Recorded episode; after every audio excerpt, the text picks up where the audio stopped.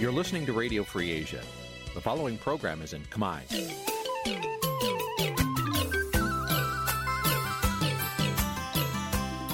Nǐ chi càm bi tiệp xáy vệt chiu a zì sê នេះជាកម្មវិធីផ្សាយរបស់ Vithu Azisari ជាភាសាខ្មែរ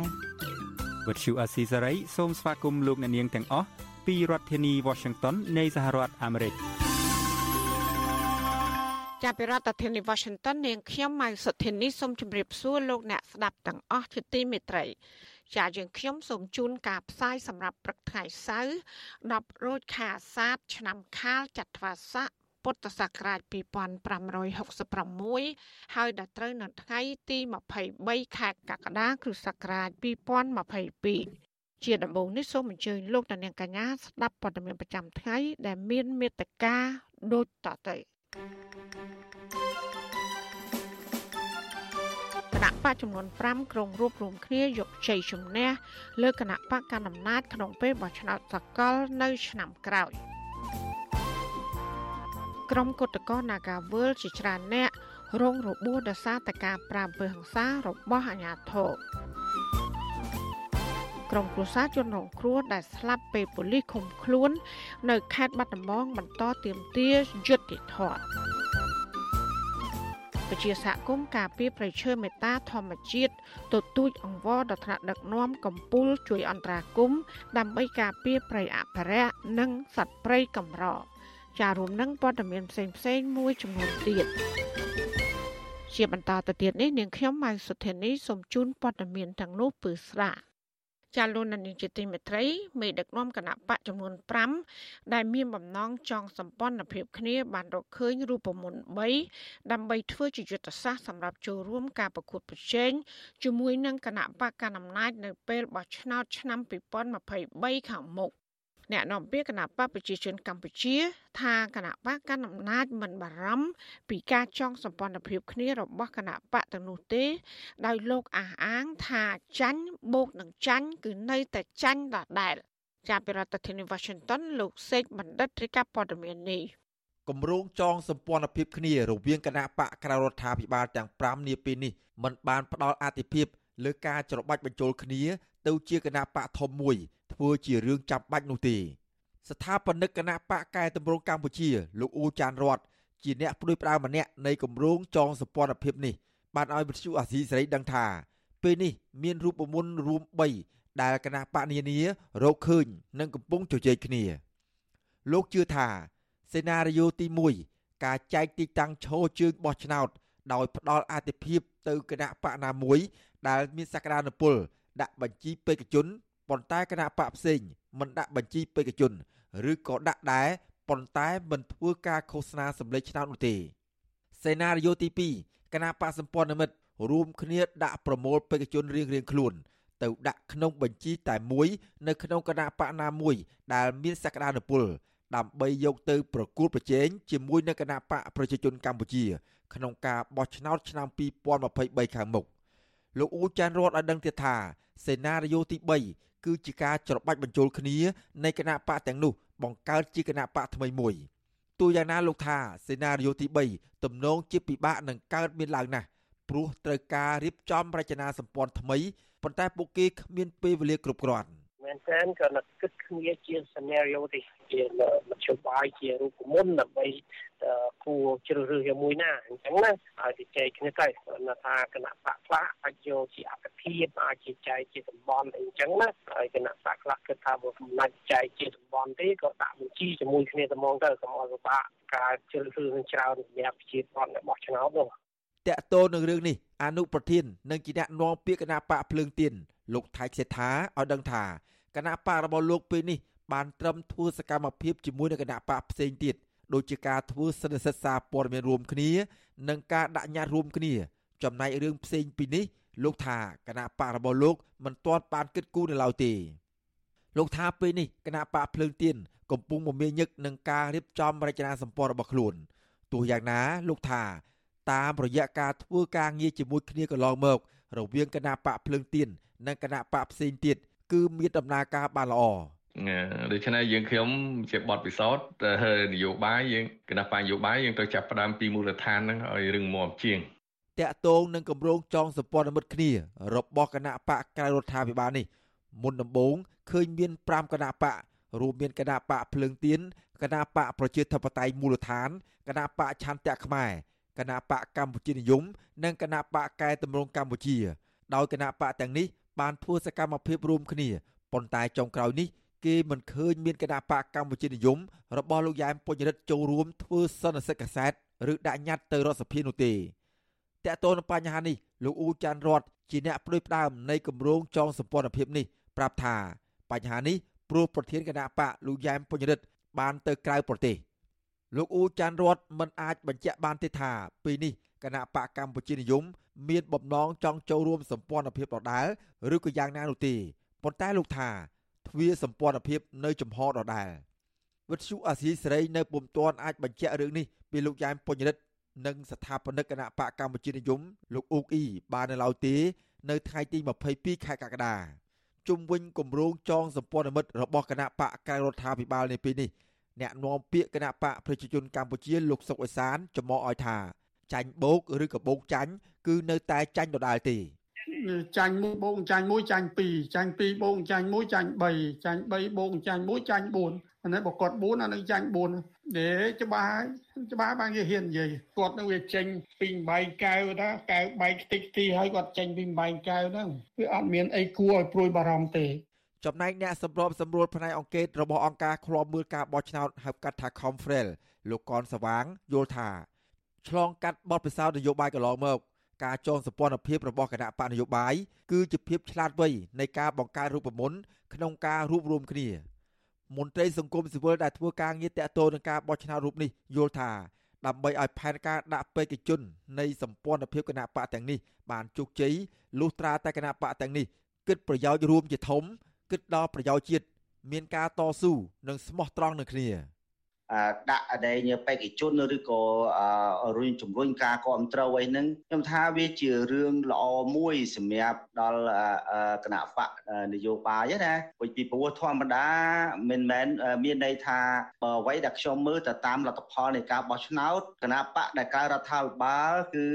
មិនងាយនឹងក្នុងការទាញការគ្រប់គ្រងពីអ្នកគ្រប់គ្រងរបស់គណៈបកកណ្ដាលអំណាចទេបាទខ្ញុំមើលមែនតើទៅគឺថាទាញតែនៅក្នុងដៃនៃគណៈបកថាបាលខ្លួនឯងហ្នឹងរីឯអ្នកវិភាគនយោបាយលោកកឹមសុខយល់ថាប្រសិនបើគណៈបកទាំងនេះមានឆន្ទៈនិងមានការទទួលខុសត្រូវខ្ពស់ក្នុងការរួបរวมគ្នានោះនឹងអាចបង្កើតជំរឹះថ្មីដល់ពលរដ្ឋម្ចាស់ឆ្នោតស្ថាបនិកគណៈបកកែតម្រង់កម្ពុជាលោកអ៊ូចាន់រតបញ្ជាក់ថារូបមន្តទាំង3ដែលបានលើកឡើងនេះស្ថិតនៅក្នុងការជជែកគ្នានៅឡើយទេទោះយ៉ាងណាលោកអះអាងថាគណៈបកដែលមានបំណងចងសម្ព័ន្ធភាពនឹងគ្នានឹងប្រឹងប្រែងនៅក្នុងការរួបរวม និងរំពឹងថាគម្រោងនេះនឹងចេញជារូបរាងនៅចុងឆ្នាំ2022នេះខ្ញុំបាទសេកបណ្ឌិតវិទ្យុអាស៊ីសេរីពីរដ្ឋធានីវ៉ាស៊ីនតោនលោកណានៀងជាទីមេត្រីក្រមយុវជនចលនាមេដាធម្មជាតិចំនួន3នាក់ស្នើឲ្យតុលាការកំពូលផ្ដល់យុត្តិធម៌និងទម្លាក់បទចោទដើម្បីឲ្យពួកគេមានសិទ្ធិសេរីភាពពេញលេញក្នុងកិច្ចការពារបរិស្ថាន ការស្នើនេះធ្វើឡើងខណៈដែលពួកគេបានចូលបំភ្លឺនៅតុលាការកំពូលកាលពីម្សិលមិញពាក់ព័ន្ធពីបទចោទញុះញង់បន្ទាប់ពីបានប្តឹងសារទុកក្រមយុវជនចលនាមេដាធម្មជាតិ3នាក់រួមមានលោកថនរដ្ឋាកញ្ញាភួនការៈថ្មី និងកញ្ញាឡុងគុន្ធា នៅថ្ងៃទី22ខែកក្កដាបានឡើងទៅបំភ្លឺនៅតុលាការកំពូលពាក់ព័ន្ធនឹងបទញុះញង់បង្កឲ្យមានភាពវឹកវរធ្ងន់ធ្ងរដល់សន្តិសុខសង្គម ការឡើងបំភ្លឺនេះធ្វើឡើងនៅបន្ទាប់ពីអ្នកទាំង3បានប្តឹងសារទុកជំទាស់ទៅនឹងការសម្រេចរបស់សាលាអូតូរាជធានីភ្នំពេញ ដែលសម្រេចព្យួរទោសពួកគេកាលពីថ្ងៃទី5ខែវិច្ឆិកាឆ្នាំ2021 យុវជនចលនាមេដាធម្មជាតិលោកថនរដ្ឋាប្រាប់បច្ចុប្បន្នស៊ីស្រីថានៅក្នុងតឡាការលោកបានលើកឡើងពីសកម្មភាពក្នុងកិច្ចការពីបរិស្ថានកន្លងមក ថាមិនមែនជាការបង្កឲ្យមានភាពវឹកវរនិងញុះញង់ដូចជាការចោទប្រកាន់នោះឡើយ លោកបន្តថាសកម្មភាពដែលលោកនិងក្រុមយុវជនដទៃទៀតបានធ្វើកន្លងមកនេះគឺកាត់ចេញពីក្តីស្រឡាញ់និងឆន្ទៈក្នុងកិច្ចការពីបរិស្ថាននិងធនធានធម្មជាតិដោយមិនមានការបង្គាប់បញ្ជាពីជនណាម្នាក់នោះឡើយ លោកថ្នាក់ឲ្យតឡាការទម្លាក់ចោលបទចោលទៅលើរូបលោកក៏ដូចជាយុវជនដទៃទៀតត្បិតថាសកម្មភាពទាំងនោះក៏មិនបានធ្វើឡើងផ្ទុយពីច្បាប់រដ្ឋធម្មនុញ្ញក៏ប៉ុន្តែគឺជាសកម្មភាពមួយដែលគួរតែត្រូវបានទទួលការគ្រប់គ្រងហើយនឹងលើកទឹកចិត្តពីរដ្ឋាភិបាល។ ខ្ញុំស្នើឲ្យតុលាការកំពូលមានសម្រេចពិចារណាឲ្យពិចារណាទៀតជាពិសេសហ្នឹងផ្ដល់ក្តីអាណិតអាសូរមកដល់ខ្ញុំផងផ្ដល់ក្តីអាណិតអាសូរតាមរយៈការផ្ដល់យុត្តិធម៌មកកាន់ខ្ញុំសងនូវភាពស្អាតស្អំមកកាន់ពួកខ្ញុំទាំងអស់គ្នាឡើងវិញដើម្បីឲ្យពួកខ្ញុំនឹងមានសេរីភាពពេញលេញក្នុងការធ្វើការងារទៅលើធនធានធម្មជាតិប្រកបដោយប្រសិទ្ធភាពបន្តទៀតមេធាវីការពីក្តីលោកសំចម្រើនឲ្យដឹងថា ការសាកសួរដេញដោលរបស់តឡាការទៅលើក្រុមយុវជនទាំង3នាក់ ហាក់មិនមានភាពប្រក្រតីនោះទេ ហើយតុលាការនឹងប្រកាសសាលដីកានៅថ្ងៃទី29ខែកក្កដាខាងមុខដោយឡែកលោកនៅមិនទាន់ហ៊ានធ្វើការសន្និដ្ឋានណាមួយលើលើកំណត់ការក្តីនោះទេ ដោយលោកថាស្ថិតនៅក្នុងដំណាក់កាលរងចាំការសម្រេចរបស់តុលាការនៅឡើយ ក៏ប៉ុន្តែលោកបន្តថាប៉ះសិនបើយុវជនទាំង3មិនអាចទទួលយកការសម្រេចរបស់តុលាការនៅសប្តាហ៍ក្រោយ នោះនឹងមានការពិភាក្សាទៅលើដំណើរការរឿងក្តីនេះជាបន្តទៀតយើងមិនចង់មានបេរេវិនិច្ឆ័យទេព្រោះឬក្តីយើងប្តឹងសារទុកឲ្យក្នុងដំណាក់កាលរងចាំការវិនិច្ឆ័យជាចុងក្រោយណាអានោះយើងជាងទៅវិភាសានេះទៀតទៅលើលទ្ធភាពផ្លូវច្បាប់តើយើងអាចធ្វើបែបម៉េចបានណាព្រោះណាមួយថ្ងៃនោះដែលយើងយើងមិនអាចទទួលយកបានយើងនឹងវិភាសាគ្នា វិទ្យុស៊ីស្រីនៅមិនទាន់អាចតកតងអគ្គលេខាធិការតុលាការកំពូល លោកស្រីម៉ៅធីតាដើម្បីសុំការបកស្រាយបន្ថែមជុំវិញរឿងនេះបាននៅឡើយទេតែកតិននឹងរឿងនេះប្រធានសមាគមនិស្សិតបញ្ញវន្តខ្មែរលោកកើតសារាយថ្លែងថាទោះបីជាប្រដ្ឋភិកច្រើនមិនមានជំនឿទៅលើប្រព័ន្ធយុត្តិធម៌នៅកម្ពុជា ក៏លោកក្នុងនាមជាអង្គការសង្គមស៊ីវិលនៅតែជឿជាក់នឹងឲ្យតម្លៃទៅលើប្រព័ន្ធតុលាការជាពិសេសគឺតុលាការកំពូលនេះតែម្ដងលោកជឿជាក់ថាតឡាការកម្ពុជានឹងសម្រេចទម្លាក់ចោលបទចោលទៅលើយុវជនទាំង3នាក់នេះដើម្បីឲ្យពួកគេមានលទ្ធភាព និងសេរីភាពពេញលេញក្នុងការចូលរួមសកម្មភាពការពារបរិស្ថាន ហើយនិងធនធានធម្មជាតិម្ដងទៀត។ ហើយយើងនៅតែជឿជាក់និងនៅតែឲ្យតម្លៃនៅតុលាការនៅក្នុងស្រុកខ្មែរជាពិសេសសាលាកំពូលដែលបានធ្វើការជំនុំជម្រះលើសកម្មជនបរិស្ថាននៅព្រឹកមិញនេះនឹងអាចផ្ដល់នូវយុទ្ធធម៌លើកលែងនៅបទឆោតទៅលើពួកគាត់ហើយផ្ដល់នូវភាពស្អាតស្អំដើម្បីពួកគាត់មាននីតិសម្បទាគ្រប់គ្រាន់ក្នុងការរស់នៅជាមួយនឹងសង្គមទូទៅដែលជាជាងបច្ចុប្បន្នគឺគាត់នៅជាប់ការត្រួតពិនិត្យរបស់តុលាការ យុវជនចលនាមេដាធម្មជាតិទាំង3នាក់រួមមានលោកថនរដ្ឋាកញ្ញាលងគុន្ធា និងកញ្ញាភួនកែរថ្មីត្រូវបានចាប់ខ្លួន កាលពីខែកញ្ញាឆ្នាំ2020បន្ទាប់ពីពួកគេ បានថតវីដេអូបង្ហាញពីផលប៉ះពាល់បរិស្ថាន និងក្រុងស្លៀកសពាក់សដើរពីវត្តភ្នំសម្ដៅទៅផ្ទះលោកនាយករដ្ឋមន្ត្រីហ៊ុនសែនដើម្បីសុំបញ្ឈប់ការលុបបង្កប់ស្រូវឬបឹងតាម៉ោក សាលាដំបងរាជធានីភ្នំពេញសម្រាប់ផ្ដន្ទាទោសពួកគេនៅខែឧសភាឆ្នាំ2021ដាក់ពន្ធនាគារចន្លោះពី18ខែទៅ20ខែ ពីបទញុយញងបង្កភាពវឹកវរធ្ងន់ធ្ងរដល់សន្តិសុខសង្គម អ្នកទាំង3ត្រូវបានដោះលែងកាលពីថ្ងៃទី5ខែវិច្ឆិកាឆ្នាំ2021បន្ទាប់ពីបានអនុវត្តទោសនៅក្នុងពន្ធនាគារបានមួយឆ្នាំ2ខែតាមការកំណត់របស់តុលាការដោយទោសនៅសល់ត្រូវព្យួរនិងដាក់ឲ្យពួកគេស្ថិតនៅក្រោមការត្រួតពិនិត្យរយៈពេល3ឆ្នាំ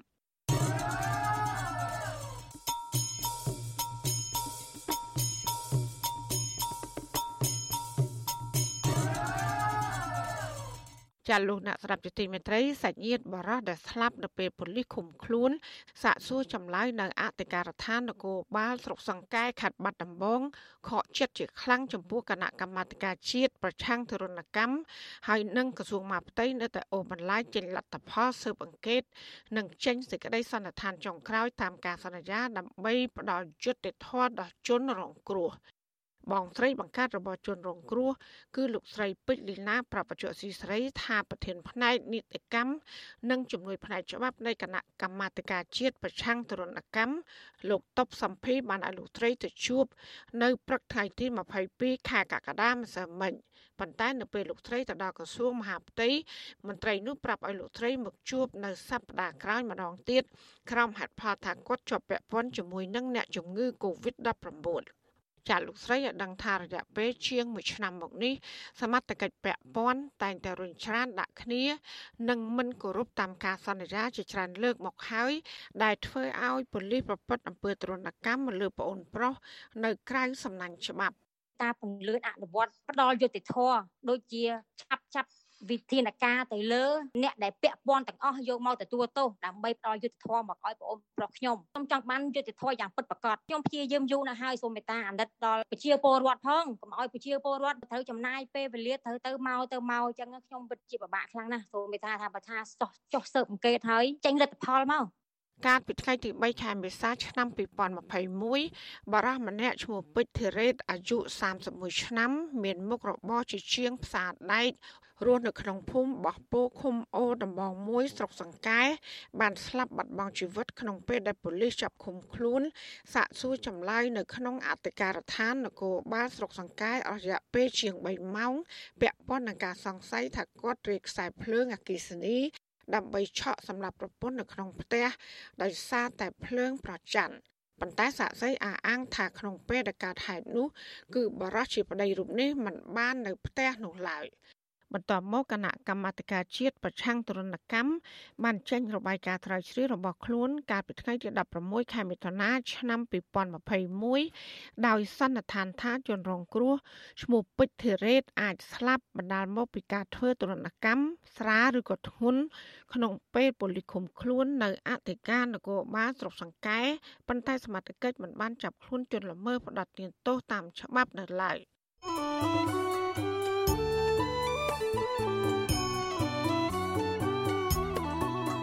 ចាលោកនាងជាទីមេត្រីក្រោយទៅពីការស្ដាប់ការផ្សាយរបស់វិទ្យុអសីស្រីតាមបណ្ដាញសង្គម Facebook និង YouTube លោកនាងកញ្ញាក៏អាចស្ដាប់ការផ្សាយរបស់យើង តាមរយៈរលក ធាតុអាកាសខ្លីឬ Short Wave ដូចតទៅចាប់ពីព្រឹកចាប់ពីម៉ោង5កន្លះដល់ម៉ោង6កន្លះគឺតាមរយៈរលកធាតុអាកាសខ្លី12140 kHz ស្មើនឹងកម្ពស់ 25m និង13715 kHz ស្មើនឹងកម្ពស់ 22m ចាសម្រាប់ពេលយប់វិញគឺចាប់ពីម៉ោង7កន្លះដល់ម៉ោង8កន្លះគឺតាមរយៈរលកធាតុអាកាសខ្លី9960 kHz ស្មើនឹងកម្ពស់ 30m 12140 kHz ស្មើនឹងកម្ពស់ 25m ហើយនឹង 11885 kHz ស្មើនឹងកម្ពស់ 25m ចាសសូមអរគុណ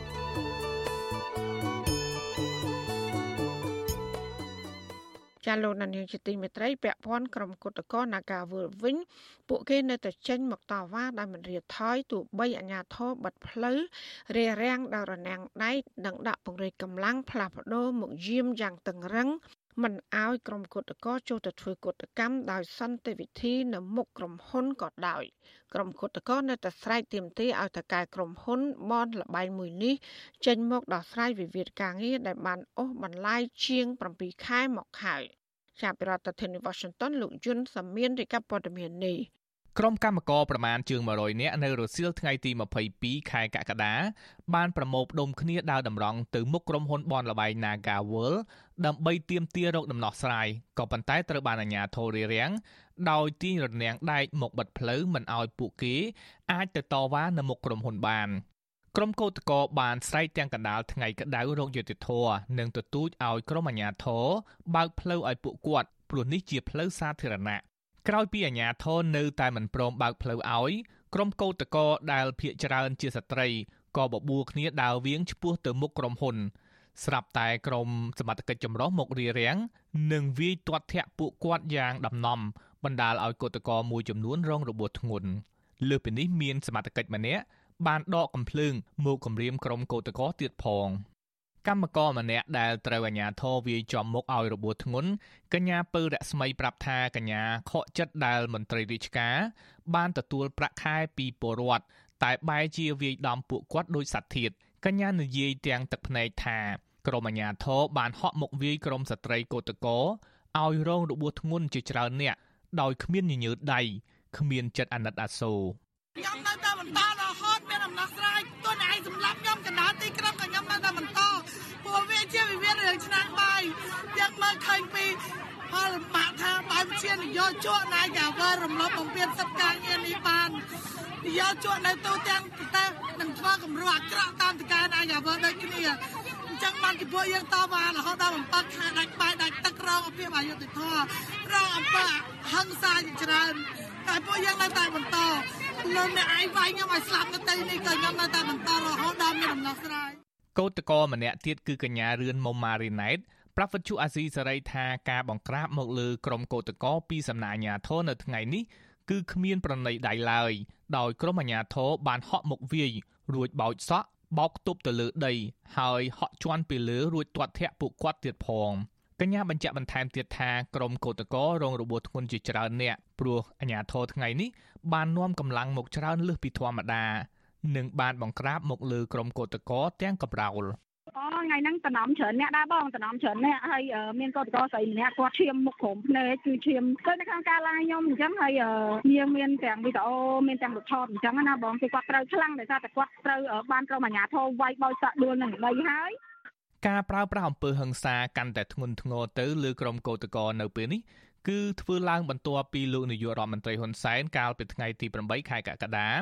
បានចេញប័ណ្ណបញ្ជាឲ្យអាជ្ញាធររាជធានីខេត្តត្រូវបង្ក្រាបលើអ្នកតវ៉ាតាមដងផ្លូវឲ្យបានមើងម៉ាត់ក្នុងនោះលោកសម្ដៅដល់ក្រុមកោតក្រ Nagawal ផងដែរលោកហ៊ុនសែនចោទថាក្រុមកោតក្រទាំងនេះនិងអ្នកតវ៉ាផ្សេងទៀតបានយកដងផ្លូវដើម្បីប្រមូលផ្ដុំតវ៉ា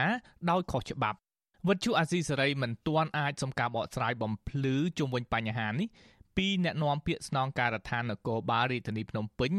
លោកសានសុកសីហាបានទេនៅថ្ងៃទី22ខែកក្កដាដោយទូរស័ព្ទចូលតែពុំមានអ្នកទទួលនាយករងទទួលបន្ទុកទូតអង្គការលីកាដូលោកអំសំអាតលើកឡើងថាចំពោះវិវាទការងាររវាងក្រុមហ៊ុននិងកោតកោដែលចេះតែអូសបន្លាយពេលជាច្រើនខែមកនោះគឺមកពីរដ្ឋាភិបាលមិនទាន់មានឆន្ទៈឲ្យបានគ្រប់គ្រាន់ក្នុងការរកដំណោះស្រាយជូនបុគ្គលិក លោកស្នើដល់រដ្ឋាភិបាលនិងក្រុមហ៊ុនសហការគ្នាជួយរកច្រកចេញណាមួយឲ្យបានសមរម្យជូនក្រុមកោតក្រដើម្បីកុំឲ្យមើលឃើញថាពួកគាត់កំពុងរងភាពអយុត្តិធម៌ពីអ្នកមានលុយនិងអ្នកមានអំណាច។ គឺយើងមើលទៅហាក់បីដូចជាចង់ធ្វើបាបណៃសេដ្ឋកិច្ចទៅលើក្រុមគឧតកោពីព្រោះការដែលពុះបន្លាយពេលយូរទៅធ្វើឲ្យប៉ះពាល់ទៅដល់សេដ្ឋកិច្ចរស់នៅរបស់ក្រុមគឧតកោហ្នឹងអញ្ចឹងបើយើងមើលឆន្ទៈនៃការអូពេលវេលាទៅពេលវេលានៃការអូសបន្លាយនេះវាហាក់បីដូចជាចង់ធ្វើសនកម្មផ្នែកសេដ្ឋកិច្ចរបស់គឧតកោហ្នឹងពីព្រោះពួកគាត់ធ្វើកោតកម្មស្ទើររាល់ថ្ងៃអត់មានពេលវេលាណាសម្រាប់ចំនួនការងាររវាងក្រុមហ៊ុនបនលបៃ Naga World និងបុគ្គលិកដែលជាកោតកោបានអូសបន្លាយរយៈពេលជាង7ខែមកហើយដោយក្រុមកោតកោមិនទាន់ទទួលបាននៅដំណោះស្រាយណាមួយឲ្យបានសមរម្យពីថៅកែក្រុមហ៊ុនទេរយៈពេល7ខែមកនេះអាញាធរមិនត្រឹមតែមិនជួយរកដំណោះស្រាយទេថែមទាំងប្រើហិង្សាចាប់សហជីពដាក់គុកជាបន្តបន្ទាប់នៅពេលពួកគេចេញតវ៉ាម្ដងម្ដង ខ្ញុំយុនសាមៀនវិទ្យុអាស៊ីសេរីប្រធានាធិបតី Washington ចាលោកនាងជាទីមេត្រីតកតងនឹងកម្មករ Nagawal នេះដែរពួកគេបដិញ្ញាថានឹងទៀមទារកដំណោះស្រាយពីតកែក្រុមហ៊ុនបើទោះបីជាពួកគេជួបនឹងឧបសគ្គយ៉ាងណាក៏ដោយពួកគេអះអាងថាក្រសួងការងារនិងសមត្ថកិច្ចលំអៀងទៅខាងភាគីថៃកែដែលជាមូលហេតុមួយក្នុងចំណោមមូលហេតុផ្សេងទៀតអូសបន្លាយពេលវេលាជាង7ខែមកនេះដែលដោះស្រាយមិនបាននោះឡើយ ចាសសូមលោកដានៀងស្ដាប់បទសម្ភាសន៍របស់លោកទីនសាការីយ៉ាជាមួយនឹងកញ្ញាពើរស្មីជំវិញបញ្ហានេះដូចតទៅរស្មីបាទជាដំបូងនឹងចង់ដឹងអំពីតើស្ថានភាពរបួសមុខនឹងឃើញមានបាច់ជាមកអីហ្នឹងឥឡូវយ៉ាងម៉េចទៅហើយបាទក៏វាមានដាច់នៅឡៃសៀតខាក្រុមផ្នែកពីកន្លែងនៅលើថ្ពាល់ហើយនឹងឈឺនៅកន្លែងដែលអាញាធរលត់ធាក់មកមានជើងមានខ្នង ដូចដែលមាននៅក្នុងរូបថតចឹងគឺបានជើងអាធប៉ុណ្ប៉ុណ្ណានៅលើខ្នងយើងបាទគឺវាមានការចាប់នៅលើលបួសអស់ហ្នឹងបាទរស្មីតើ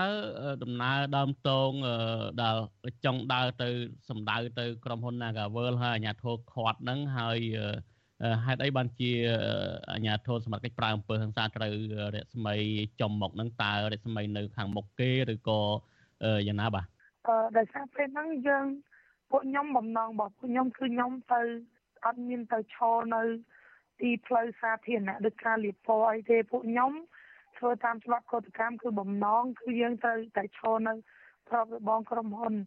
ពេលហ្នឹងគាត់ដាក់ប្រាក់បិទផ្លូវមកចំហៀងហើយនៅលើសួនច្បារហើយមកជំនាញគឺគាត់បើពួកខ្ញុំក៏ដើរវៀងប្រាស់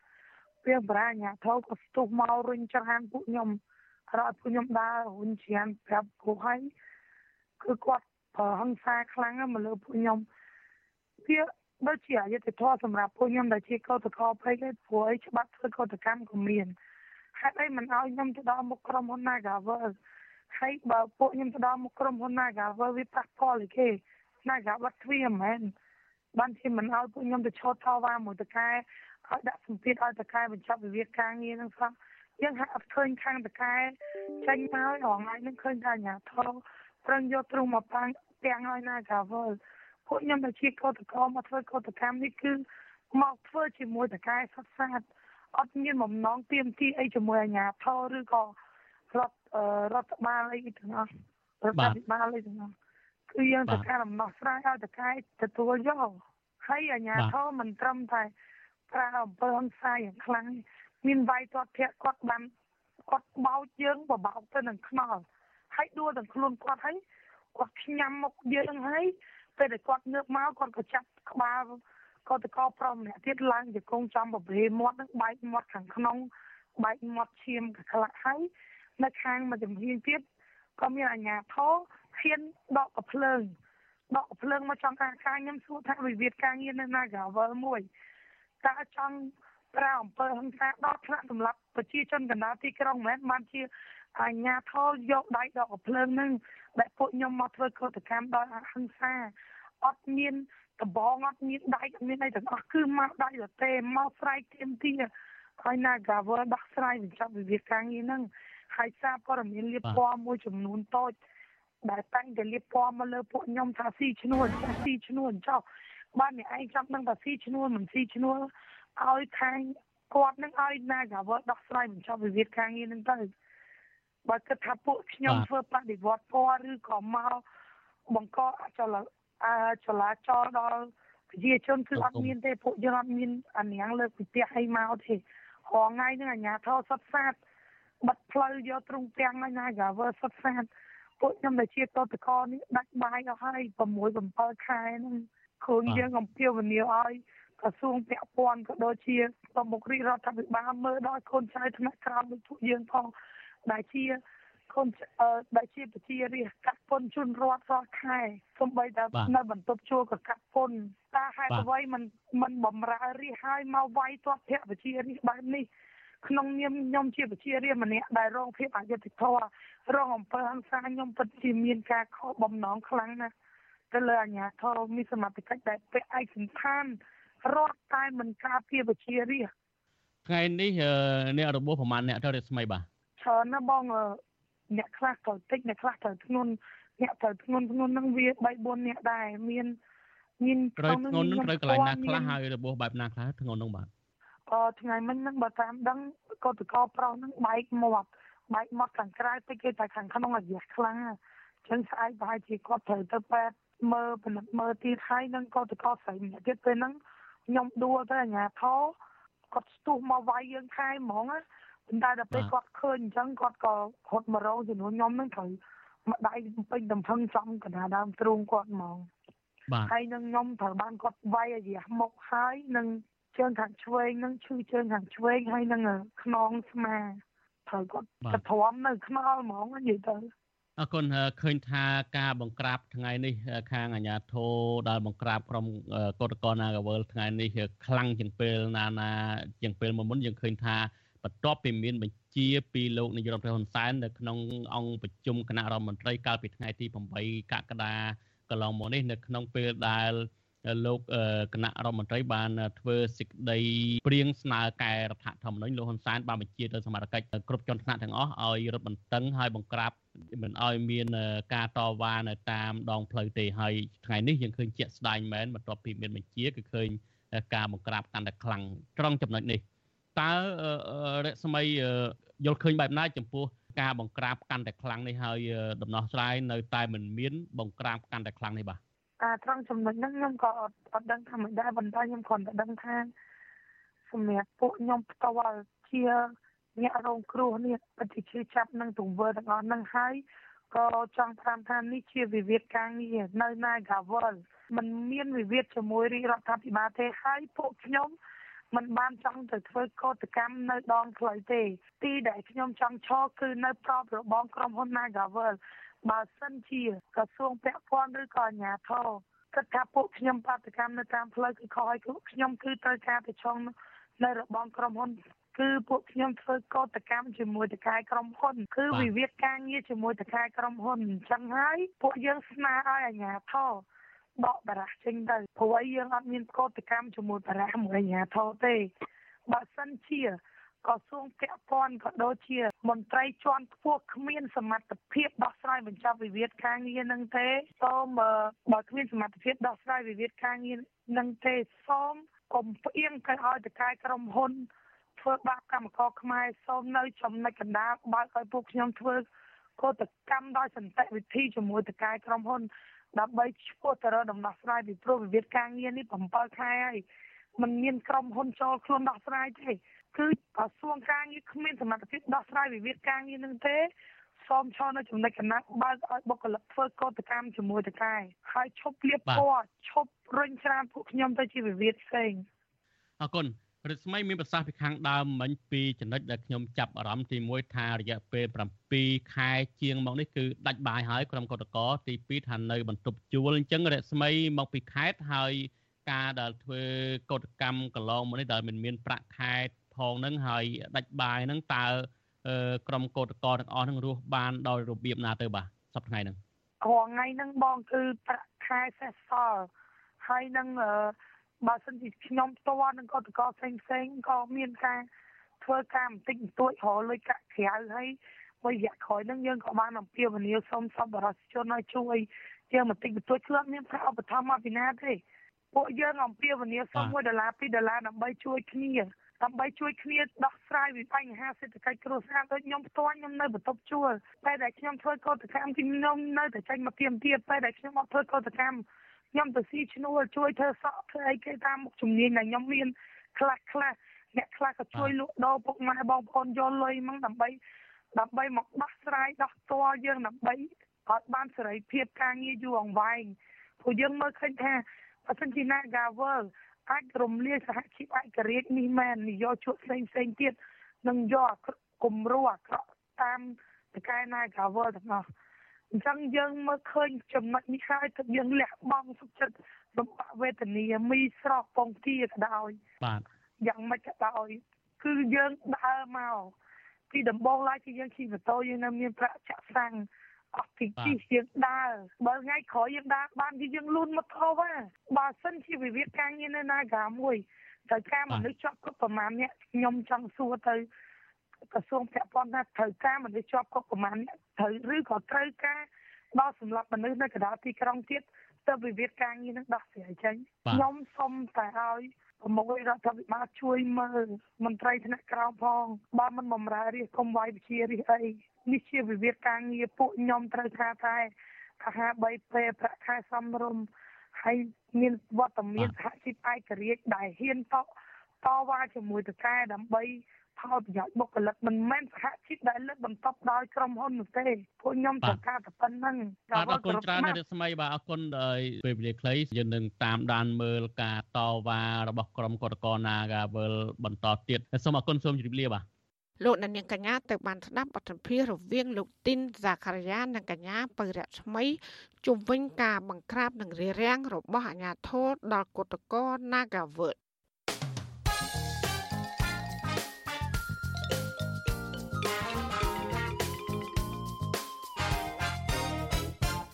លោកនានីជាទីមេត្រីម្ដាយទៅរស់និងកុមាររងគ្រោះដោយសារទទួលទានម្សៅទៅដល់កូន Nutrilett ស្នើសុំឲ្យសាលាដំបងរាជធានីភ្នំពេញ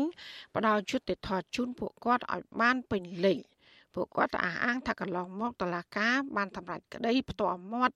ឲ្យពួកគាត់ឈ្នះក្តីលើភាគីក្រុមហ៊ុនក៏ប៉ុន្តែតឡាកាមិនបានចេញសារក្រមជាលិលាក់អក្សរនោះឡើយហើយដែលនេះធ្វើពួកគាត់បារម្ភរឿងក្រុមហ៊ុនកិច្ចវេះមិនផ្ដល់សំណងដល់ពួកគាត់ចាលោកជាតិចំណានរាជការព័ត៌មាននេះដូចតទៅម្ដាយរបស់ទារកនិងកុមារកើតជំងឺស្លេកស្លាំងដោយសារតែបើកទៅដោះគោនុយត្រីឡែត ឲ្យដឹងថាមកដល់ពេលនេះអ្វីត្បិតតែតុលាការក្រុងភ្នំពេញប្រកាសសារក្រមផ្ទាល់មកឲ្យពួកគាត់ឈ្នះក្តីលើក្រុមហ៊ុនក្តីក៏ប៉ុន្តែពួកគាត់មិនទាន់ទទួលបានសំណងនោះទេហើយតុលាការក៏មិនព្រមចេញសារក្រមជាលេខលក្ខអក្សរតាមការស្នើសុំរបស់ពួកគាត់ជាច្រើនលើកដែរពួកគេព្រួយបារម្ភពីការគេចវេះមិនសងសំណងផ្លូវចិត្តពីក្រុមហ៊ុននាំចូលទឹកដោះគោនេះម្ដាយកុមាររងគ្រោះលោកស្រីច័ន្ទសុផានីប្រាប់វិសុអេស៊ីស្រីថាក្រុមគ្រួសារជនរងគ្រោះ ព្រមទទួលយកសេចក្តីសម្រេចផ្ទាល់មាត់របស់សាលាដំបូងក្រុងភ្នំពេញកាលពីខែមេសាកន្លងទៅដែលតម្រូវឲ្យក្រុមហ៊ុនផ្ដល់សំណងដល់គ្រួសាររងគ្រោះចាប់ពី10000ដុល្លារដល់20000ដុល្លារករណីនាំចូលម្សៅទឹកដោះគោដែលធ្វើឲ្យប៉ះពាល់សុខភាពកូនកូនរបស់ពួកគាត់ប៉ុន្តែលោកស្រីបន្តថាមកដល់ពេលនេះពួកគាត់មិនទាន់ទទួលបានយុត្តិធម៌ពិតប្រាកដនោះទេដោយសារតែតុលាការមិនបានចេញសារក្រមជាលេខលក្ខអក្សរផ្លូវការនោះទេគណៈភាគីក្រុមហ៊ុនក៏ចង់បន្តប្តឹងជំទាស់ទៅសាលាអូតូ ដែលជាហេតុធ្វើឲ្យសំណុំរឿងនេះនៅអូសបន្លាយពេលលោកស្រីបន្ថែមថាគ្រួសាររងគ្រោះភាគច្រើនជាអ្នកធ្វើការហើយពួកគេចង់បិទបញ្ចប់សំណុំរឿងឲ្យបានឆាប់ជាជាងការអូសបន្លាយរឿងក្តីធ្វើឲ្យខាតពេលវេលាវិបដិសេរីនិយាយអារម្មណ៍ពិតហ្មងណាបងវិបដិសេរីនិយាយមកដល់ឥឡូវហ្នឹងបើសិនជាកូនធម្មតាសុខភាពល្អអត់សូវអីឲ្យតែកូនចាប់ដើមមានតែឈឺអីមួយចេះដិតអារម្មណ៍ហ្នឹងបងអតិថិភាពដែលកូនដាក់ឈាមនៅពេទ្យវាថាវាដូចនៅសម្ោខ្មៅ ដិតជាប់នៅក្នុងចិត្តយើងហ្មងណាបងម្ដាយកុមាររងគ្រោះម្នាក់ទៀតលោកស្រីប៊ុនពុជវុទ្ធាប្រាប់វិសុអេស៊ីស្រីថាលោកស្រីបានស្នើសុំឲ្យសាលាដំបងក្រុងភ្នំពេញចេញសារក្រមសម្រាប់ក្តីឲ្យបានឆាប់ព្រោះរឿងក្តីនេះបានអូសបន្លាយរយៈពេល2ឆ្នាំកន្លះមកហើយលោកស្រីលើកឡើងថាលោកស្រីមិនចង់អូសបន្លាយរឿងក្តីនេះទៀតទេព្រោះគ្រប់ពេលដែលលោកស្រីរំលឹកពីស្ថានភាពកូនរបស់លោកស្រីឈឺវាធ្វើឲ្យប៉ះពាល់ផ្លូវចិត្តរបស់លោកស្រីជាមួយគ្នានេះលោកស្រីក៏នៅតែបារម្ភពីសុខភាពកូនរបស់លោកស្រី ដែលប្រព័ន្ធការពាររាងកាយហាក់ទន់ខ្សោយនិងងាយឈឺខ្ញុំអត់ទៅ focus លើសំណងច្រើនទេបងតែខ្ញុំចង់ឲ្យឆាប់កុំឲ្យនៅពួយពួកខ្ញុំអត់ទេថាគាត់ឡើងទៅអូតូទៅថារឿងឯកសារខ្ញុំថាដើមគាត់តែឃើញរូបថតកូនហ្នឹងគាត់គឺចាប់ដែរខ្ញុំនិយាយត្រង់ខ្ញុំអត់អាចហ៊ានបើកមើលរូបថតហ្នឹងឯងបងហើយអត់ចាប់ឯងខ្ញុំត្រូវបើកមើលរូបថតហ្នឹងដែររងថ្ងៃខ្ញុំត្រូវឃើញថាកូនខ្ញុំឈឺពេលណាឈឺពេលណាអញ្ចឹងណាឪពុកម្ដាយរបស់ទារកនិងកុមាររងគ្រោះចំនួន21គ្រួសារកាលពីខែវិច្ឆិកាឆ្នាំ2020សម្រាប់ប្តឹងក្រុមហ៊ុនម្សៅទឹកដោះគោនុយត្រេឡែត ដែលនាំចូលផលិតផលគ្មានគុណភាពដែលប៉ះពាល់ដល់សុខភាពកូនកូនរបស់ពួកគាត់វិសុអាស៊ីសេរីមិនអាចតាក់ទងប្រធានរដ្ឋបាលនៃសាលាដំបងរាជធានីភ្នំពេញលោកអ៊ីរ៉ានដើម្បីសួរបន្ថែមអំពីរឿងនេះបានទេនៅថ្ងៃទី22ខែកក្កដាដោយទូរស័ព្ទចូលជាច្រើនដងតែគ្មានអ្នកទទួលជុំវិញរឿងនេះអ្នកនាំពាក្យសមាគមអាត់ហុកលើកសង្សានករណីយល់ថាការអូសបន្លាយសំណុំរឿងក្តីនេះអាចនឹងជះឥទ្ធិពលមិនល្អដល់សង្គមព្រោះម្ចាស់ក្រុមហ៊ុនដែលនាំចូលនិងចែកចាយម្សៅទឹកដោះគោដែលធ្វើឲ្យប៉ះពាល់ដល់សុខភាពទារក បន្តរស់នៅក្រៅឃុំនិងមិនទាន់ផ្ដល់សំណងដល់ជនរងគ្រោះនៅឡើយទេលោកបន្ថែមថាការមិនបន្លឿននីតិវិធីរឿងក្តីនេះអាចជាគំរូអាក្រក់ក្នុងការអនុវត្តច្បាប់ទៅលើការចាត់វិធានការចំពោះជនទុច្ចរិតជាពិសេសនឹងនាំឲ្យមានការចែកចាយម្សៅទឹកដោះគោដែលគ្មានសារធាតុបំពន់គ្រប់គ្រាន់នៅតែបន្តក្នុងទីផ្សារចង់ឃើញពីពីពាក់ព័ន្ធក៏ដូចជាខាងតឡាការគួរតែអនុវត្តនៅ សំណុំរឿងនេះឲ្យបានឆាប់រហ័សពីព្រោះបើយើងគិតទៅគឺមានរយៈពេលយូរហើយអូសបន្លាយហ្នឹងវារយៈពេលយូរណាស់ហើយកាលពីខែកញ្ញាឆ្នាំ2020ក្រសួងពាណិជ្ជកម្មបានរកឃើញម្សៅទឹកដោះគោនុយត្រីឡែតចំនួន6លេខកូដដែលខ្វះសារធាតុចិញ្ចឹមគ្រប់គ្រាន់ដែលបង្កគ្រោះថ្នាក់ធ្ងន់ធ្ងរដល់សុខភាពរបស់កុមារនិងទារកក្រសួងពាណិជ្ជកម្មបានបញ្ជាឲ្យផ្អាកចរាចរណ៍និងប្រមូលត្រឡប់មកវិញនៅម្សៅទឹកដោះគោទាំង6លេខកូដនោះ ហើយបញ្ឈប់ការនាំចូលមកក្នុងទីផ្សារកម្ពុជាម្សៅទឹកដោះគោនុយត្រីឡែតបានប្រកាសសុំទោសជាសាធារណៈហើយអះអាងថាក្រុមហ៊ុនមនឹកស្មានថាម្សៅទឹកដោះគោដែលក្រុមហ៊ុនកំពុងនាំចូលនិងចែកចាយអស់រយៈពេល9ឆ្នាំមានបញ្ហាបច្ចេកទេសលើសារធាតុផ្សំនៃម្សៅទឹកដោះគោលេខកូដទាំង6នេះទេទោះជាយ៉ាងណាភាគីក្រុមហ៊ុនមិនព្រមបង់សំណងតាមការទៀមទារបស់ឪពុកម្ដាយជនរងគ្រោះនោះទេទោះជាមានការសម្របសម្រួលពីក្រសួងពាណិជ្ជកម្មក៏ដោយ ឪពុកម្ដាយរបស់ទារកនិងកុមាររងគ្រោះសង្ឃឹមថាតុលាការនឹងពន្លឿនរឿងក្តីនេះនិងជំរុញឲ្យក្រុមហ៊ុនទទួលខុសត្រូវតាមផ្លូវច្បាប់ដើម្បីផ្ដល់យុត្តិធម៌ដល់ពួកគាត់ខ្ញុំបាទជាតិចំណាន Visual Assisray ប្រធានាទី Washington ចាលោកនាងជាទីមេត្រីតកតងនឹងប្រាក់ខែរបស់កម្មករវិញ ប្រធានសហភាពការងារកម្ពុជា កំពុងចុះស្រាវជ្រាវពីតម្រូវការជាក់ស្ដែងរបស់កម្មករនៅតាមរោងចក្រកាត់ដេរហើយនឹងស្បែកជើងមុននឹងរៀបចំរបាយការណ៍យកទៅចរចាប្រាក់ឈ្នួលគោលសម្រាប់ឆ្នាំ2023 កម្មករចង់ឃើញរដ្ឋាភិបាលដំឡើងប្រាក់ខែឲ្យបានសមរម្យពីព្រោះបច្ចុប្បន្នតម្លៃទំនិញនៅទីផ្សារឡើងថ្លៃឥតឈប់ឈរដោយបន្ថែមទៅលើបន្ទុករស់នៅរបស់ពួកគាត់ចានលោកសេបណ្ឌិតមានសេចក្តីរាយការណ៍មួយទៀតជុំវិញព័ត៌មាននេះ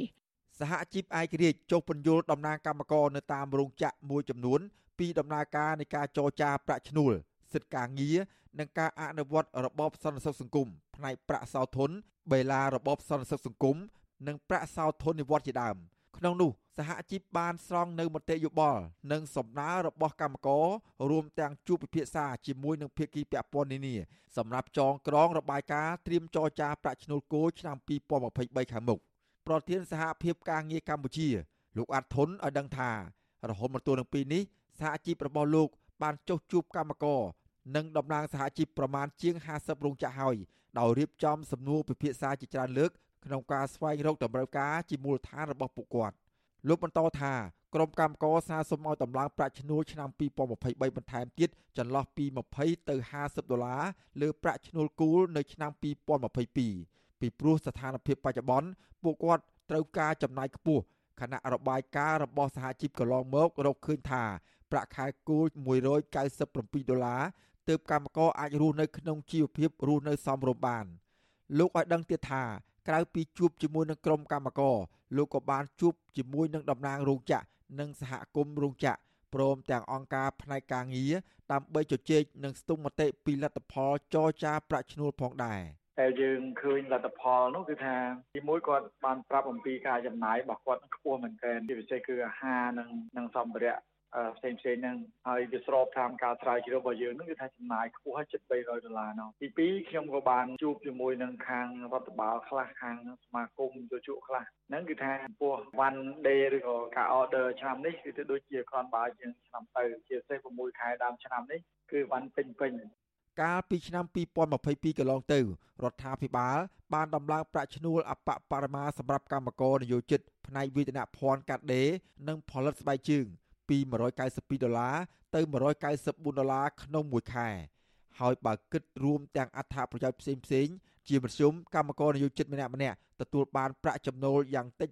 250ដុល្លារដល់ទៅ300ដុល្លារក្នុងមួយខែ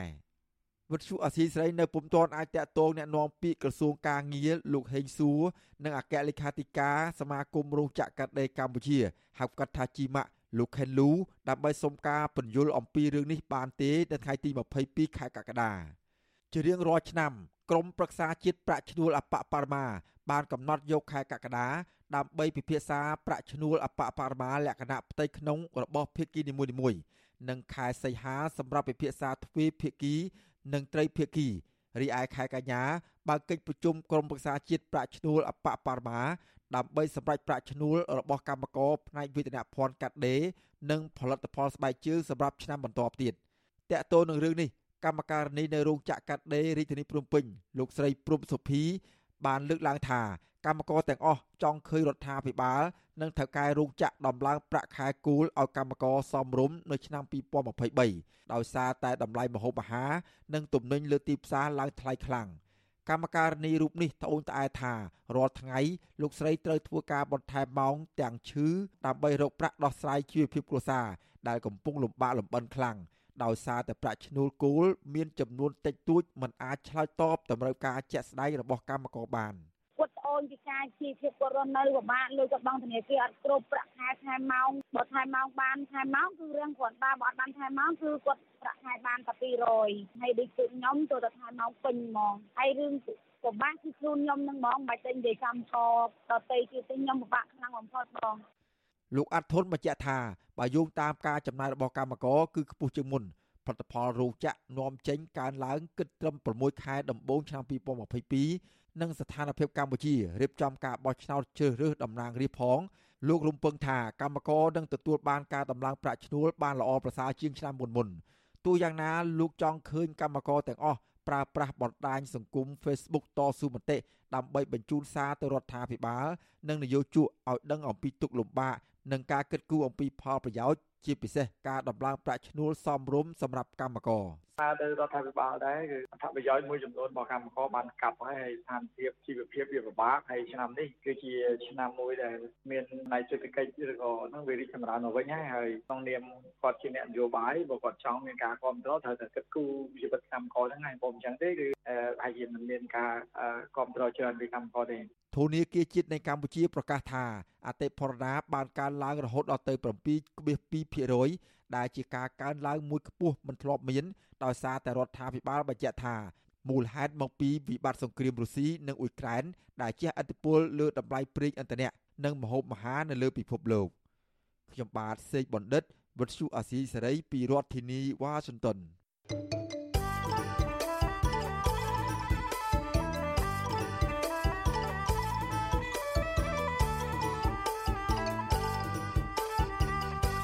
ចាលោកដានៀងកញ្ញាកំពុងស្ដាប់ការផ្សាយរបស់វិទ្យុអស៊ីស្រីផ្សាយចេញពីរដ្ឋធានី Washington កសិករដាំមៀននិងពោតក្រហមអំពាវនាវដល់រដ្ឋមន្ត្រីក្រសួងពាណិជ្ជកម្មជួយរកទីផ្សារសម្រាប់លក់កសិផលរបស់ពួកគាត់ ក្តីសង្ឃឹមនេះធ្វើឡើងនៅបន្ទាប់ពីរដ្ឋមន្ត្រីក្រសួងពាណិជ្ជកម្មលោកប៉ាន់សុរស័ក្តិចុះពិនិត្យនិងសិក្សាពីកង្វះទីផ្សារនាំចេញកសិផល និងស្តង់ដារនៃការដឹកជញ្ជូនកសិផលរបស់កសិករនៅតាមព្រំដែនកម្ពុជានិងថៃចាសសេចក្តីរាយការណ៍ពីស្ដាមពីរឿងនេះលោកណានៀងក៏នឹងបានស្ដាប់នាពេលបន្តិចទៀតនេះអាស៊ីសេរី លោកអ្នកស្រាប់យុតិមេត្រីប្រជាប្រដ្ឋប្រកបរបរសេដ្ឋកិច្ចក្រៅប្រព័ន្ធស្នើដល់រដ្ឋាភិបាលឲ្យជួយដល់ជីវភាពរស់នៅរបស់ពួកគាត់ ដែលកំពុងខ្វះខាតជាខ្លាំងពួកគេនៅជួបបញ្ហាច្រើនដោយសារតែពួកគេមិនទទួលបានកិច្ចគាំពៀពីអាជ្ញាធររដ្ឋាភិបាលនៅឡើយចា៎នេះគឺជាសកម្មភាពមួយទៀតជំវិញព័ត៌មាននេះរបស់លោកជាតិចំណាតអ្នករត់ម៉ូតូឌុបម្នាក់នៅក្រុងប៉ោយប៉ែតខេត្តបន្ទាយមានជ័យលោកអិនជីវ័ន ប្រាប់វិសុយអស៊ីសេរីនៅថ្ងៃទី22ខែកក្កដាថាការប្រកបរបររបស់លោកសពថ្ងៃមិនសូវរកប្រាក់ចំណូលបាននោះទេលោកថាមូលហេតុដែលរកប្រាក់ចំណូលមិនសូវបានគឺដោយសារតែនៅក្រុងប៉ោយប៉ែតបច្ចុប្បន្នមានជនបរទេសជាច្រើនប្រកបរបរផ្នែកសេវាកម្មដឹកភ្ញៀវនេះជាពិសេសជនជាតិចិនដែលពួកគេប្រកបរបររថតាក់ស៊ីសម្រាប់ដឹកជនជាតិចិនដូចគ្នា និងជនបរទេសផ្សេងទៀត ជាហេតុធ្វើឲ្យពលរដ្ឋម្ចាស់ស្រុករកប្រាក់ចំណូលមិនសូវបានច្រើនសម្រាប់ទប់ទល់បញ្ហាជីវភាពក្នុងគ្រួសារឡានអីបើកបរស្រីសូវជាមានបានដឹកពួកហ្នឹងទេរលុយអត់តាមដោះស្រាយជីវភាពនឹងអត្តសាលវាបានតែពិបាកលោកអិនជីវ័នបន្ថែមថាស្របពេលដែលលោករកប្រាក់ចំណូលមិនសូវបានលោកក៏មិនទទួលបានកិច្ចគាំពៀនិងសេវាជំនួយផ្សេងៗពីរដ្ឋាភិបាលម្ដងណាឡើយលោកថាលោកនឹងក្រុមគ្រួសារ តែងតែស្នើសុំបានបេឡាជាតិសន្តិសុខសង្គមពីអាជ្ញាធរដើម្បីកាត់បន្ថយការចំណាយនៅពេលមានបញ្ហាសុខភាពប៉ុន្តែលោកថាអាជ្ញាធរមិនដែលចេញបានឲ្យលោកនោះទេបើអត់ធ្វើបានបលសហ្នឹងវាពិបាកហ្នឹងវាចង់ឲ្យថាចង់ឲ្យធ្វើបានបលសសេដ្ឋកិច្ចក្រៅព័ន្ធទៅមានការឈឺការឈឺអីមានអស់លុយអស់កាក់ឲ្យរងទៅបានប៉ុន្តែពិបាកទេតកតូននឹងរឿងនេះកាលពីថ្ងៃទី21ខែកក្កដា អង្គការ Oxfam និងអង្គការពលកម្មអន្តរជាតិបានរួមគ្នាធ្វើទិវាថ្នាក់ជាតិស្ដីពីកិច្ចគាំពៀសង្គមសម្រាប់កម្មករសេដ្ឋកិច្ចក្រៅប្រព័ន្ធដើម្បីផ្សព្វផ្សាយពីបញ្ហា និងតម្រូវការរបស់កម្មករនាយិកាអង្គការ Oxfam ប្រចាំកម្ពុជា អ្នកស្រីភៀនសុភ័ណ្ឌថ្លែងនៅក្នុងវេទិកានោះថាអ្នកកំពុងប្រកបរបរសេដ្ឋកិច្ចក្រៅប្រព័ន្ធមានរហូតដល់93%ដែលមានចំនួន77លាននាក់លោកស្រីបន្តថាកម្មករសេដ្ឋកិច្ចក្រៅប្រព័ន្ធទាំងនេះ មិនទាន់ទទួលបានកិច្ចគាំពៀសង្គមពីរដ្ឋាភិបាលនៅឡើយទេអ្នកប្រកបរបរក្រៅប្រព័ន្ធភាគច្រើនប្រឈមហានិភ័យខ្ពស់ពាក់ព័ន្ធទៅនឹងអសន្តិសុខប្រាក់ចំណូលគ្រោះថ្នាក់ការងារនិងបញ្ហាសុខភាពជាដើមអ្នកស្រីថាអ្នកប្រកបរបរក្រៅប្រព័ន្ធមួយចំនួនទៀតដូចជាអ្នកលក់ដូរតាមផ្លូវនិងអ្នកប្រកបរបររត់រមាក់ជាដើមនៅតែរកប្រាក់ចំណូលបានទាបដែលទាមទាររដ្ឋាភិបាលមានគោលនយោបាយនានាសម្រាប់ជួយដល់ពួកគាត់វិសុអាស៊ីសេរី មិនអាចតាក់ទងអគ្គនាយករងនៃបេឡាជាតិរបបសន្តិសុខសង្គមលោកហេងសុផាន់ណារិតដើម្បីសាកសួរជុំវិញរឿងនេះបានទេនៅថ្ងៃទី22ខែកក្កដាប៉ុន្តែនាយករងផ្នែកបម្រើសេវាអតិថិជននិងទំនាក់ទំនងសាធារណៈនៃបេឡាជាតិរបបសន្តិសុខសង្គមលោកជ័យសំណាងប្រាប់វិសុក្នុងស្រុកការពីពេលថ្មីថ្មីនេះថាកម្មករសេដ្ឋកិច្ចក្រៅប្រព័ន្ធអាចទទួលបានកិច្ចគាំពៀសង្គមលុះត្រាតែពួកគាត់បានចុះបញ្ជីបង់វិភាគទានទៅក្នុងបេឡាជាតិរបបសន្តិសុខសង្គម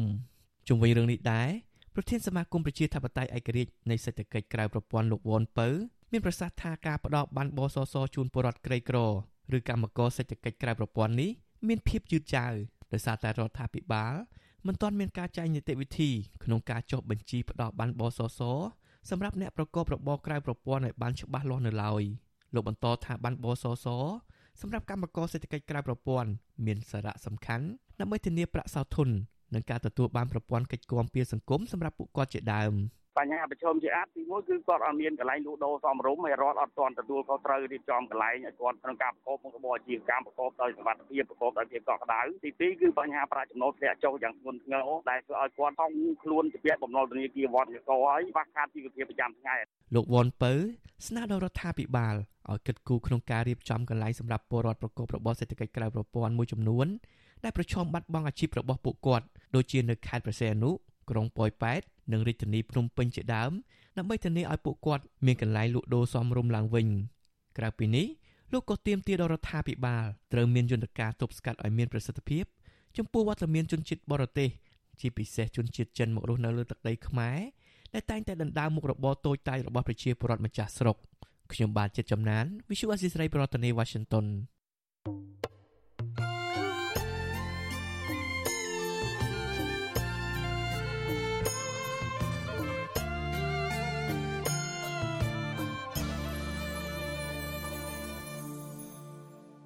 ចាលោកនាយកទីមេត្រីតកតងនឹងវិស័យកសិកម្មវិញកសិករដាំមៀនទាំងពោតក្រហមអំពាវនាវដល់រដ្ឋមន្ត្រីក្រសួងពាណិជ្ជកម្មជួយរកទីផ្សារសម្រាប់កសិផលរបស់ពួកគាត់ក្តីសង្ឃឹមនេះធ្វើឡើងបន្ទាប់ពីរដ្ឋមន្ត្រីក្រសួងពាណិជ្ជកម្មលោកប៉ាន់សុរស័ក្តិ ចុះពិនិត្យនិងសិក្សាពីបញ្ហាកង្វះទីផ្សារនាំចេញកសិផល និងស្តង់ដារនៃការដឹកជញ្ជូនកសិផលរបស់កសិករនៅតាមព្រំដែនកម្ពុជានិងថៃសង្គមស៊ីវិលជំរុញឲ្យក្រសួងពាណិជ្ជកម្មគួរតែមានយុទ្ធសាស្ត្រនិងផែនការយូរអង្វែងដើម្បីជួយដល់ប្រជាពលរដ្ឋឲ្យមានទីផ្សារលក់កសិផលត្រឹមត្រូវនិងមានតម្លៃប្រសើរ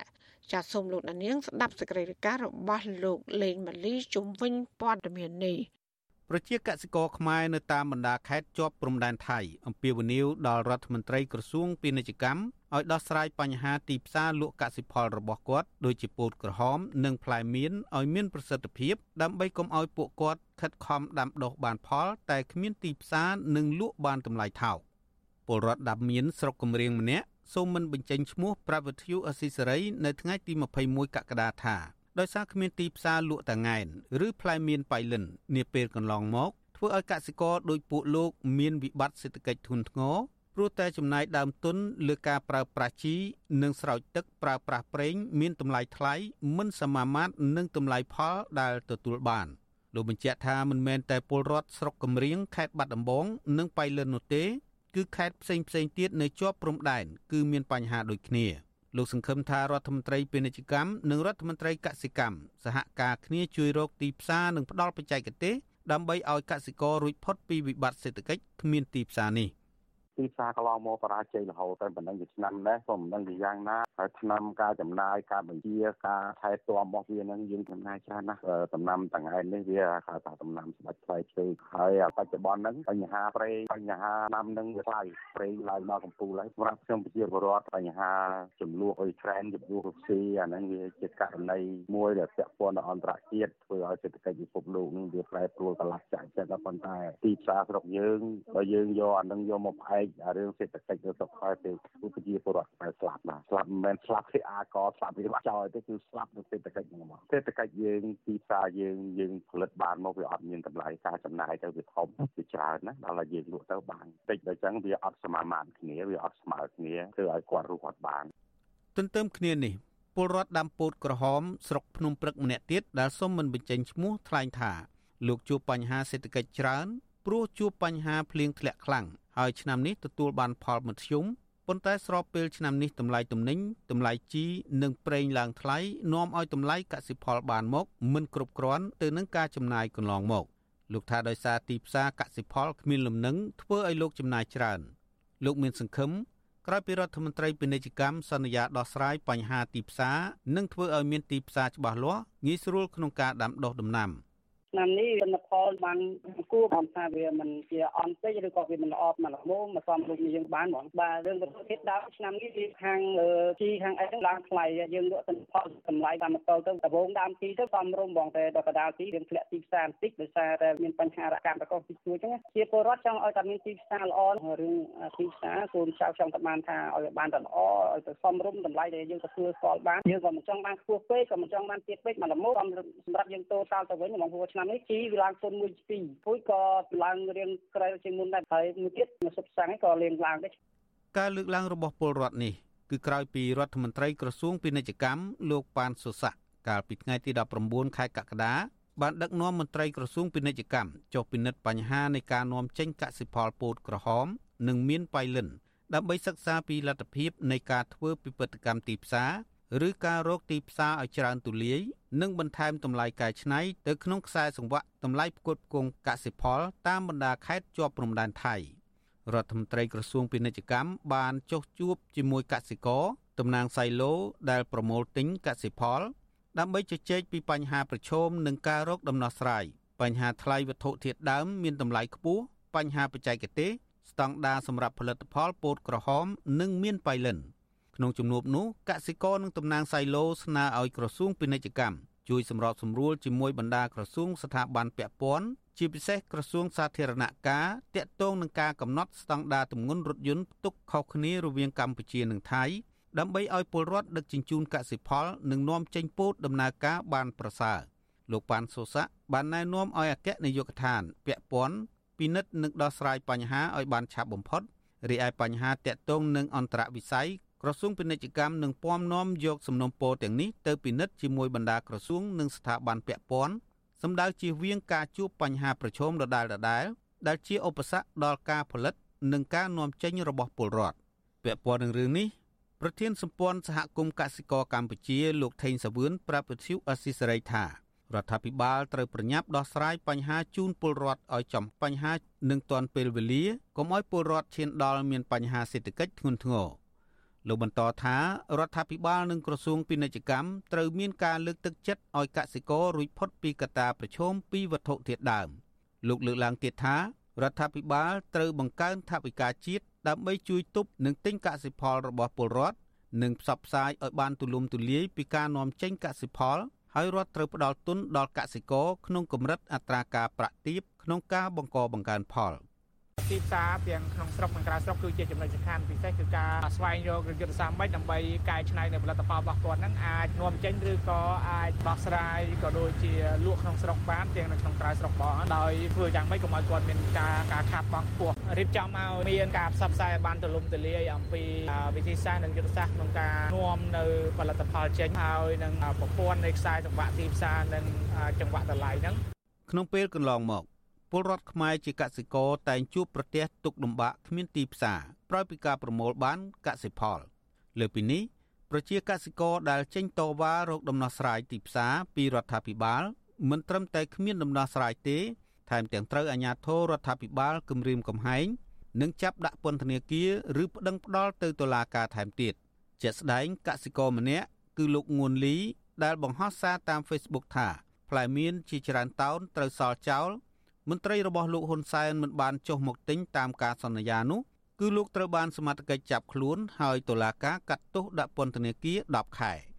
ករណីថ្មីថ្មីនេះកសិករ4នាក់នៅស្រុកភ្នំព្រឹកខេត្តបាត់ដំបងក៏ត្រូវបានសមត្ថកិច្ចចាប់ខ្លួននិងបញ្ជូនទៅតុលាការដោយសារពួកគាត់តវ៉ានឹងអាជ្ញាធរក្រមចិញ្ចីងចល័តដែលហាមឃាត់ឡានដឹកពោតទៅប្រទេសថៃថាជាការធ្វើឲ្យតម្លៃពោតចុះថោកនិងគ្មានអ្នកទិញបច្ចុប្បន្ននេះ បញ្ហាតម្លៃនិងទីផ្សារលក់កសិផលរបស់ប្រជាកសិករនៅខេត្តជាប់ព្រំដែនថៃហាក់คล้ายជាបញ្ហារសើបមួយដោយពួកគាត់មិនសូវហ៊ានបញ្ចេញមតិទាមទាររកដំណោះស្រាយឡើយព្រោះបារម្ភពីការចាប់ខ្លួននិងការធ្វើទុកបុកម្នេញខ្ញុំបាទលេងម៉ាលីវិទ្យុអស៊ីសេរីរាយការណ៍ពីរដ្ឋធានី Washington